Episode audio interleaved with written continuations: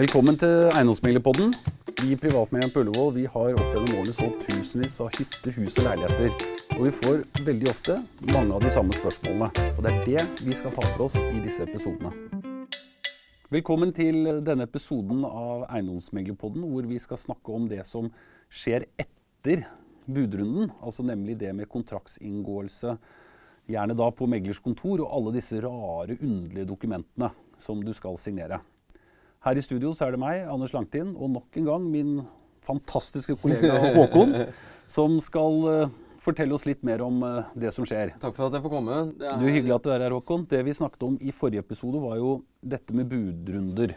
Det som vi også snakket om, akkurat dette med aksepten. Mm. For det som er viktig å si, er at det, når et bud er akseptert, så er det jo inngått en bindende avtale. Ja, ikke sant? Det har du helt sikkert opplevd selv. Uh, og jeg opplever det fra tid til annen. Uh, spørsmål som, uh, som, går på hva skal vi si, forhold rundt boligen som, som man kanskje angrer på at man ikke spurte om. Ja. før man la inn bud, og, og, som man gjerne vil diskutere eller endre på, eller hva det nå skulle være etterpå. Du tenker på da før man skal skrive kjøpekontrakten? Før man skal skrive kjøpekontrakten. Ja. Man har liksom en sånn bilde om at nå skal vi bli enige. Ja. Jeg tror det som, For alle dere som hører på, det som er veldig viktig å vite altså Jeg tror kanskje den største oppfordringen vi kan gi her i dag da, når det gjelder dette, det er å les, les, les prospektet. Eiendomsmeglerforbundet har jo hatt noen undersøkelser hvor faktisk så mange som nesten halvparten har svart at de leste ikke grundig gjennom det. Eh, prospektene er veldig utfyllende. Meglerne bruker mye tid på å innhente alle opplysninger. Så alle de opplysningene som står i prospektet, det er altså, Skal vi være brutale og si at det er bordet fanger. Det er bordet. Ja. ja. for begge. Du, for begge. Både for kjøper og for selger. Og da er det ikke sånn at uh, du får tilslaget på mandag, du skal skrive kontrakt på fredag. Så er det ikke sånn at hvis du oppdager noe i prospektet i mellomtiden, så dessverre, det kan du ikke klage på. Nei, Nei det kan du ikke. Svenskene har det sånn. Vi skal, vi skal sånn. ikke snakke om svensker, altså, men det er forskjellige regler fra forskjellige land. Så hvis noen av lytterne her også skulle være kjent med andre lands uh, måte å gjøre det på, eller har kjøpt eiendom i utlandet uh, i, i, nyere tid, så, så, er det forskjellige regler fra land til land. Og Det opplever vi litt sånn utfordrende. Vi har jo en kollega, Petter Birkrem, som mm. uh, selger hele Trysil hele tiden, føler jeg. Og Der har han jo mange utenlandske kjøpere med for, forskjellig regelverk. Men ja. regelverket vårt her hjemme er i hvert fall det.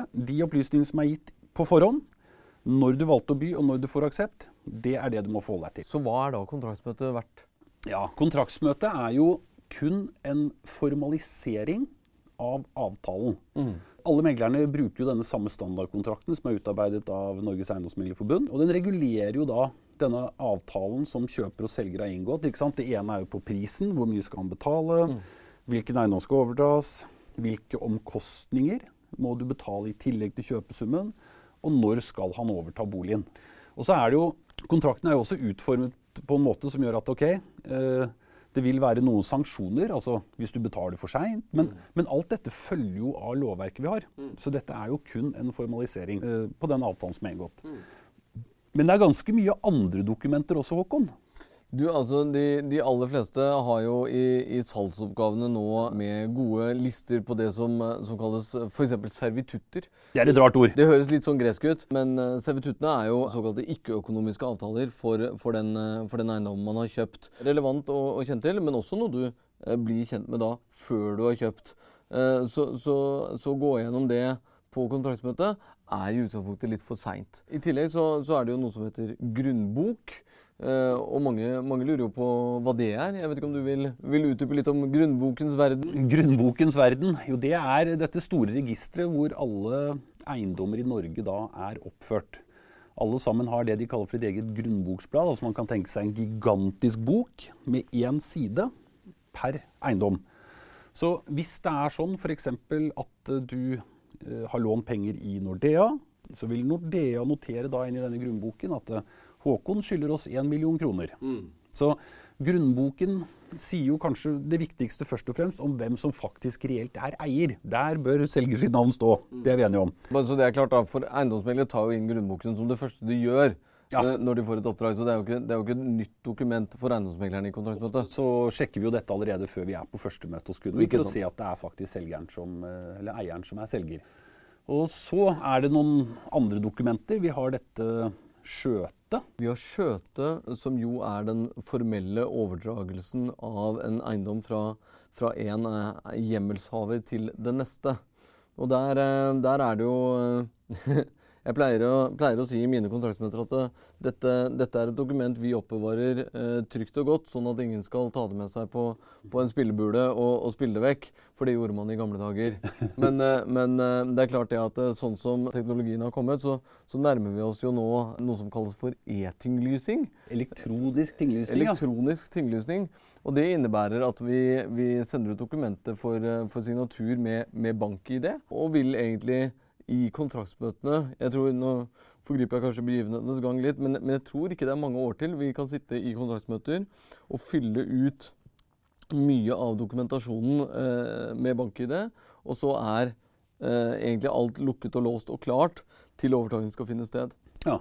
Det er ikke noe, blir ikke lenger noe skjøter å spille bort. Det er også to andre dokumenter som blir lagt frem på et kontraktsmøte. Det er et oppgjørsskjema til selgeren, mm. og så er det et oppgjørsskjema til kjøperen. Hva bruker dere de til? Disse skjemaene er, er helt klart uh, et mål, og det er å skaffe klarhet i eh, hvordan er det du finansierer kjøpet ditt, kjære kjøper. Ja, Hvor kommer penga fra, rett og slett? Hvor kommer penga fra? Eh, og det er viktig fordi Eh, vi selvfølgelig er, er, opptatt av at det skal være ryddige og, og gode transaksjoner, og pengene skal ha et, ha et, logisk eh, opphav. Og For selgers del så handler det jo tilsvarende måte å si det at ja, de pengene for den boligen jeg har solgt, de, de skal jeg ha.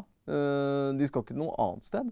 Så, så, så det må man på en måte erklære og opplyse der også. Men hvordan håndterer dere det? For de aller fleste boligene vi selger, de er jo en bank som har lånt noen penger til å kjøpe opprinnelig. Mm. Må man... jeg gjøre noe der? Nei, du, du, du, slipper i stor grad å gjøre noe der. fordi alle eiendomsmeglere, tilsvarende som med grunnboken, så starter vi også der med å sjekke belåning på eiendommen. Mm. For, for, vi skal jo selge en, en heftelsesfri eiendom. Det vil si at det ikke, ikke, skal følge med noe lån. Hvis eh, jeg nå flytter det lånet midt på 1 million over til deg, Anders, og sier det at eh, jeg finner ut at du har 1 eh, million i, i lån på den leiligheten, ja, så, så, vil selvfølgelig banken kreve å få de pengene tilbake før de sletter sitt pant. Og det er, det, er, det er, to måter vi løser det på. Det ene er jo, er jo å, å sperre eiendommen, en såkalt sikringsobligasjon. Eh, i forbindelse med at eh, oppdraget settes i gang. Mm. og så er det at, at, vi erklærer til banken at ja, når vi har solgt eiendommen, så skal du, kjære bank, få eh, pengene dine. og så kan vi ja, og Det er jo tryggheten for kjøperen. Da ja. At da, da vet han at da overtar han ikke noe gjeld fra tidligere eier. Ikke sant. Ja. Jeg tenker på, på, dette her med, med kontraktsmøte, Anders. Der er det jo Av og til så er det noe, noe fullmakter og sånt også. Ja, der har man sett mye rart opp gjennom ja. Ja. Noen ganger så kan det jo være sånn at uh, kanskje selger eller kjøper ikke kan komme selv. Kanskje er, de er forhindret. Mm. Da vil man jo i mange tilfeller utstede en fullmakt. Er det noen krav til disse fullmaktene, eller? Det er et krav til hva de skal inneholde, ja. Ikke sant? Ja. Og, og fullmakter er jo nesten det kunne jo nesten vært en egen episode. Ja, det kunne det faktisk. Eh, men en fullmakt, eh, hvis du har behov for å sende noen andre og gi noen en fullmakt, kontakt eiendomsmegleren din, så kan han lage fullmakten for deg. Det er lurt. Det er veldig smart. Er veldig for disse fullmaktene skal jo da over til Tinglysningsembetet, eller Statens kartverk. De har veldig strenge formkrav til hvordan dette skal være utformet. Helt klart. Mm. Hvor lang tid bruker du cirka på et kontraktsmøte? Du, altså, Mine kontraktsmøter tar i stor grad en, en times tid. Ja. Uh, og det er, det er uh, i de aller, aller, aller fleste tilfeller en veldig hyggelig uh, anledning for å møtes på nytt. Ja, det er, for det er jo veldig ofte da selgerne treffer kjøperen for første gang. Ikke sant? Og det, det er klart at det å, det å sette av for, for selger og kjøper i hvert fall den timen, det, det er, vi jo, er vi jo flinke til å opplyse om. Men, eh, men, at man har den tiden til å, til å kunne diskutere og snakke om litt ting. For det er klart det, eh, Vi var jo inne på det i stad, uh, dette med at avtalen er, er skrevet, bordet fanger. Men, men, det er klart det, det, er, det, er, jo alltid ofte en sånn diskusjon om litt Er, er det noe som, som, jeg som selger vil at kjøper skal, skal, få med, eller kanskje kjøpe av meg? Har du, har du, noen erfaring på det, Anders? Ja, altså Vi har jo denne tilbehørslisten som er utarbeidet av Eiendomsmeglerforbundet i forhold til hva som følger med og ikke. Ja.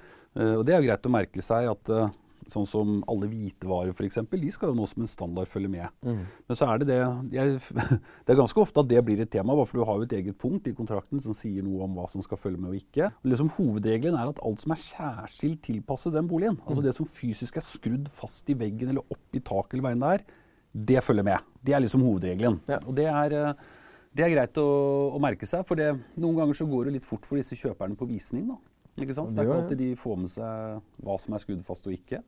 Så, men jeg tenker kontraktsmøtet er jo syns jeg alltid det er, det er, veldig hyggelig. Kjøperne og selger får truffet hverandre. De liksom vet litt hvordan de skal håndtere ja, perioden som kommer fremover. De avtaler kanskje å komme tilbake og titte litt og litt sånn type ting. Helt klart. Ja. Det, er en, det, er en, fin dag. Det er en bra dag. Det er en feiringsdag. Du er på feiringen? Ja, ja. Det er en feiringsdag. Det som skjer etter kontraktsmøtet da, er jo egentlig bare å begynne å tilrettelegge, får vi kalle det, for en flytteprosess, eh, for en overtagelse. Så det er det jeg tenkte vi skulle ta for oss i vår neste episode av Eiendomsmeglerpodden. Hva som skjer på overtagelsesdagen. Og ikke minst hva som kanskje burde skjedd før overtagelsesdagen. Kanskje ikke minst. Så det er en episode dere kan glede dere til. Tusen takk for at du hørte på Eiendomsmeglerpodden. Og tusen takk til deg, Håkon, for mange gode råd og nyttige tips. Og kanskje noen morsomme historier også. Bare hyggelig. Her i studio så var det meg, Anders Langtin og Håkon. Så da håper vi dere hører på vår neste eiendomsmeglerpod.